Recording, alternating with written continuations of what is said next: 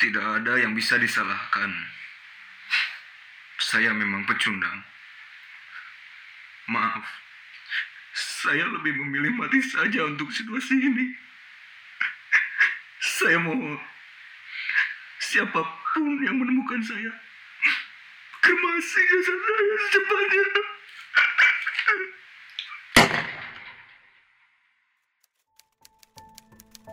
Hai, nama saya Galang. Umur 28 tahun, seorang mahasiswa kriminologi yang lulus dengan predikat termuda dan terbaik di salah satu universitas favorit di Bandung. Sekaligus, mantan narapidana. Ya, saya pernah dipenjara kurang lebih selama tujuh tahun. Gara-gara sebuah kasus pembunuhan yang saya sendiri tidak tahu kenapa saya tertuduh sebagai pelakunya. Tapi lucunya, sekarang saya bekerja di kepolisian, bertugas menyelidiki kasus-kasus kriminal. Seorang mantan napi bekerja di kepolisian. Gimana ceritanya? Semua berawal dari sebuah cerita berjudul Kasus Pertama.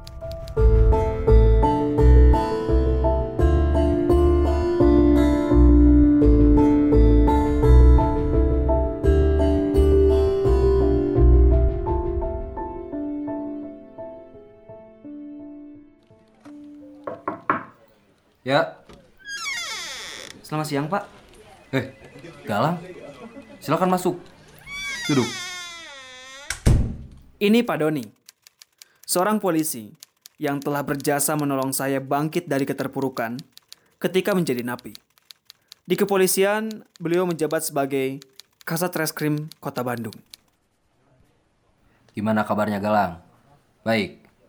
Alhamdulillah baik, Pak.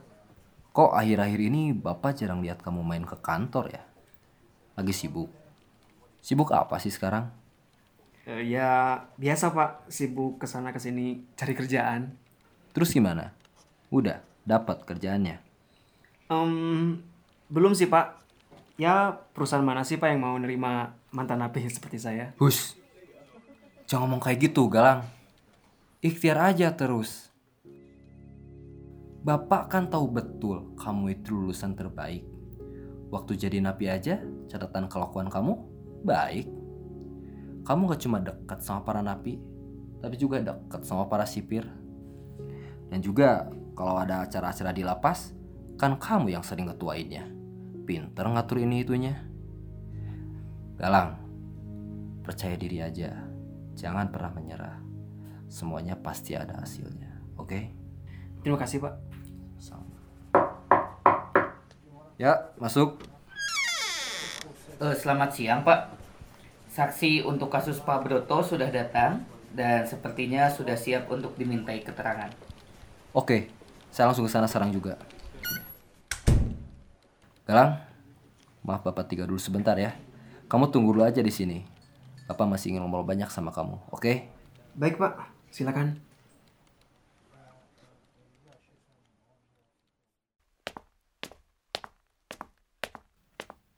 Maaf Pak, ini berkas-berkasnya. Oke, terima kasih. Selamat siang. Siang, Pak. Perkenalkan, saya Doni. Di sini saya ditugaskan untuk meminta keterangan kembali dari saudari Imas, yang di mana saudari Imas ini adalah sebagai satu-satunya saksi dari kasus pembunuhan Pak Proto. Ba- ba- baik, Pak. Oke, Imas Suharti, umur 25 tahun. Bisa kita mulai? Mbak Imas, bisa kita mulai? Iya, bisa-bisa, Pak. Baik, kita mulai ya.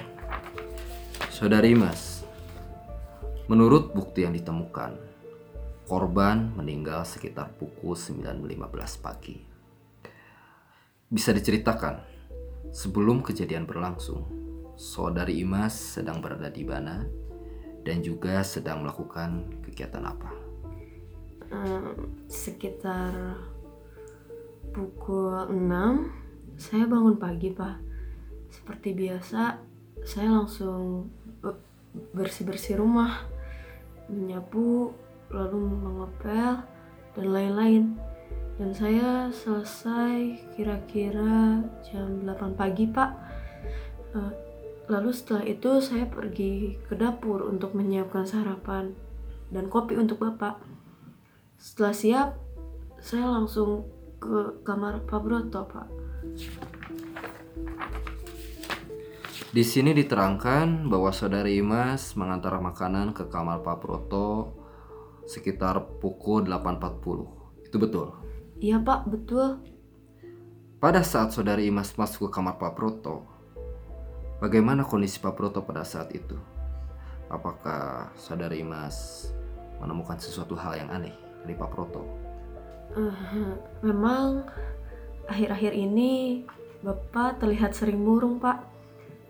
Suka mengurung diri di kamar. Eh, tapi tapi saya tidak tahu pasti Pak penyebabnya apa. Oke, setelah itu Jadi selesai mengantarkan sarapan, saya kembali ke dapur Pak untuk mencuci pakaian. Dan tidak lama setelah itu saya mendengar suara ledakan Pak. Awalnya saya tidak tahu itu suara apa, karena saya tidak pernah tahu suara tembakan pistol itu seperti apa Pak. Saya coba panggil-panggil Bapak, namun tidak ada suara. Eh, Dan karena khawatir, saya langsung menuju kamar Bapak untuk memastikan. Eh, dan ketika masuk ke kamar, ah Bapak Oke oke oke. Oke, mohon tenang Mbak Imas. Saya tahu Mbak Imas masih shock atas kejadian itu. Tapi di sini saya mohon untuk Mbak Imas tetap fokus karena kesaksian dari Mbak Imas ini sangat penting. Karena Mbak Imas sebagai satu-satunya saksi yang ada pada saat kejadian berlangsung. Jadi saya mohon tenangkan diri terlebih dahulu agar kesaksian Mbak Imas bisa lebih jelas. Bisa saya lanjutkan? bisa Pak? Saudari Mas, tahu ini HP siapa? Itu HP Bapak. Oke. Bagaimana dengan ini? Apakah saudari Imas mengenali suara yang ada di dalam rekaman ini? Coba dengarkan. Tidak ada yang bisa disalahkan. Saya memang pecundang. Maaf. Saya lebih memilih mati saja untuk situasi ini. Saya mohon. Siapa pun yang menemukan saya.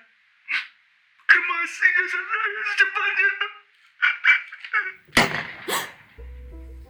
Ya Tuhan, Bapak. Saya nggak nyangka Bapak melakukan Eh, hal seperti ini. Sudah. Sudah. Terima kasih atas kesaksian dari Mbak Imas. Sekali lagi saya sampaikan turut berduka cita atas kematiannya Pak Proto selaku majikannya Mbak Imas.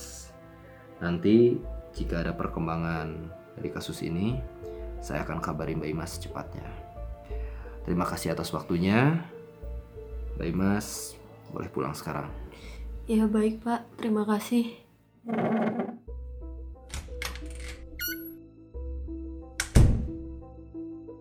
Bagaimana hasilnya, Pak? Tidak ada perkembangan informasi.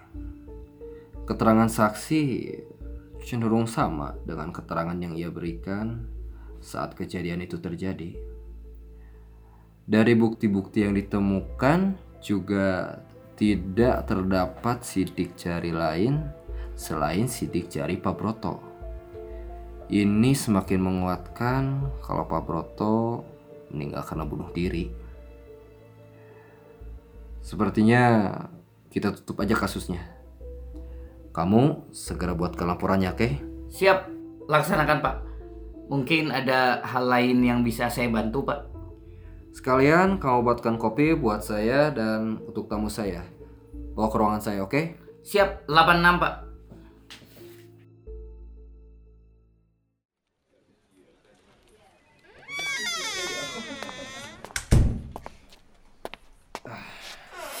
Maaf ya Galang, nunggu lama. Ada kasus yang harus Bapak selesaikan dulu tadi. Oh iya pak, nggak apa-apa. Kalau boleh tahu kasus tentang apa pak? Kasus bunuh diri. Korban menembak kepalanya sendiri dengan pistol diduga stres karena hidupnya kesepian, tidak punya istri, tidak punya anak, dan hanya ditemani asisten rumah tangganya. Kasihan ya. Yang di atas meja itu barang buktinya ya Pak? Oh, ini. Iya. Ini pistol milik korban dan juga handphone yang isinya ada rekaman suara. Rekaman. Iya, rekaman. Rekaman suara pesan-pesan terakhir korban sebelum ia bunuh diri. Kenapa? Kamu mau dengerin? Hmm, boleh emangnya Pak? Ya, boleh aja. Sebentar ya. Awas aja. Kalau kamu sampai stres gara-gara gak dapat kerjaan, terus bunuh diri, awas. Jangan sampai lah Pak. Nih rekamannya. Tuh, coba kamu dengerin. Tidak ada yang bisa disalahkan. Saya memang pecundang. Maaf. Saya lebih memilih mati saja untuk situasi ini. Saya mohon. Siapa pun yang menemukan saya. Kremasi jasad saya secepatnya.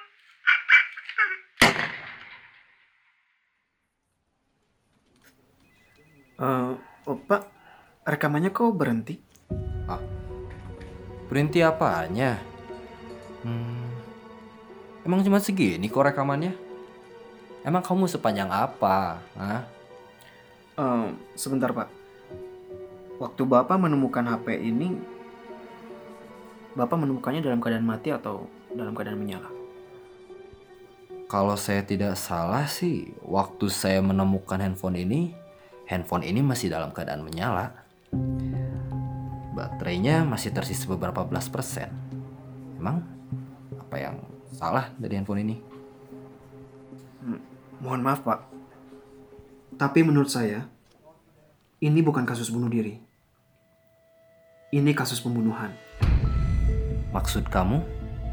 Jangan sembarangan kalau kamu ngomong galang. Iya Pak. Menurut logika saya, jika seseorang berniat merekam dirinya saat melakukan bunuh diri, seharusnya ada durasi rekaman yang cukup panjang setelah bunyi tembakan.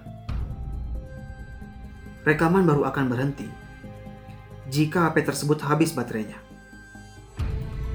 Hal janggal yang saya temukan di sini adalah pertama, rekaman ini durasinya terlalu pendek untuk sebuah rekaman bunuh diri. Kedua, seperti yang Bapak katakan tadi, korban meninggal dengan cara menembak kepalanya sendiri. Maka sangat kecil kemungkinan korban masih memiliki kesadaran untuk menghentikan rekamannya. Dan yang terakhir, Bapak menemukan HP ini dalam keadaan masih menyala. Itu artinya korban telah dibunuh dengan perencanaan pembunuhan yang nyaris sempurna. Namun si pembunuh telah lalai karena memberhentikan rekamannya. Sial. Unit 9, unit 9, tolong panggil kembali saksi yang tadi saya periksa. Saya ulangi, tolong panggil kembali saksi yang tadi saya periksa.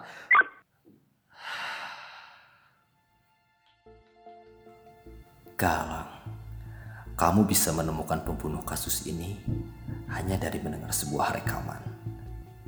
Tanpa tahu keadaan TKP, tanpa tahu isi BAP, tanpa tahu penampakan saksi dan juga korban. Galang, kau memang selalu penuh dengan kejutan. Oh, ya. Ini kopinya, Pak. Oh, ya. Terima kasih. Buat sini. Galang, ini kopinya. Makasih Pak Iman.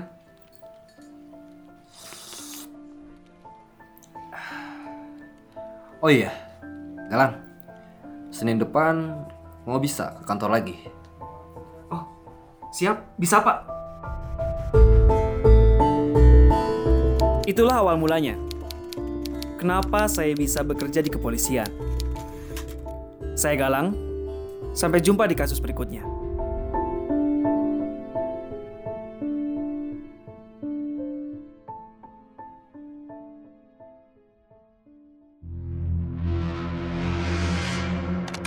Hei, hei, Ima sayang, jangan bercanda gitu dong.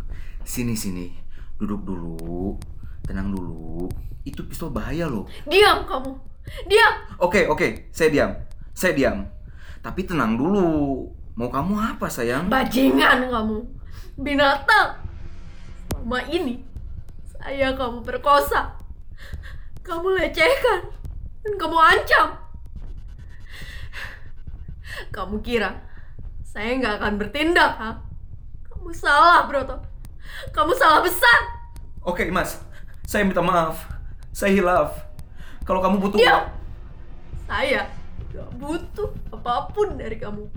Sekarang, keluarkan HP kamu. Cepat, Oke oke, iya iya. lihat ini. Baca. Baca semua kalimat yang ada di kertas ini. Dan rekam suaranya di HP kamu. Kalau kamu sampai macam-macam, saya tidak akan segan bunuh kamu saat ini juga. Paham kamu, Broto? Iya, iya, oke, oke. Tidak ada yang bisa disalahkan. Saya memang pecundang. Maaf. Saya lebih memilih mati saja untuk situasi ini. Saya mau siapa pun yang menemukan saya. Kremasi jasad saya secepatnya.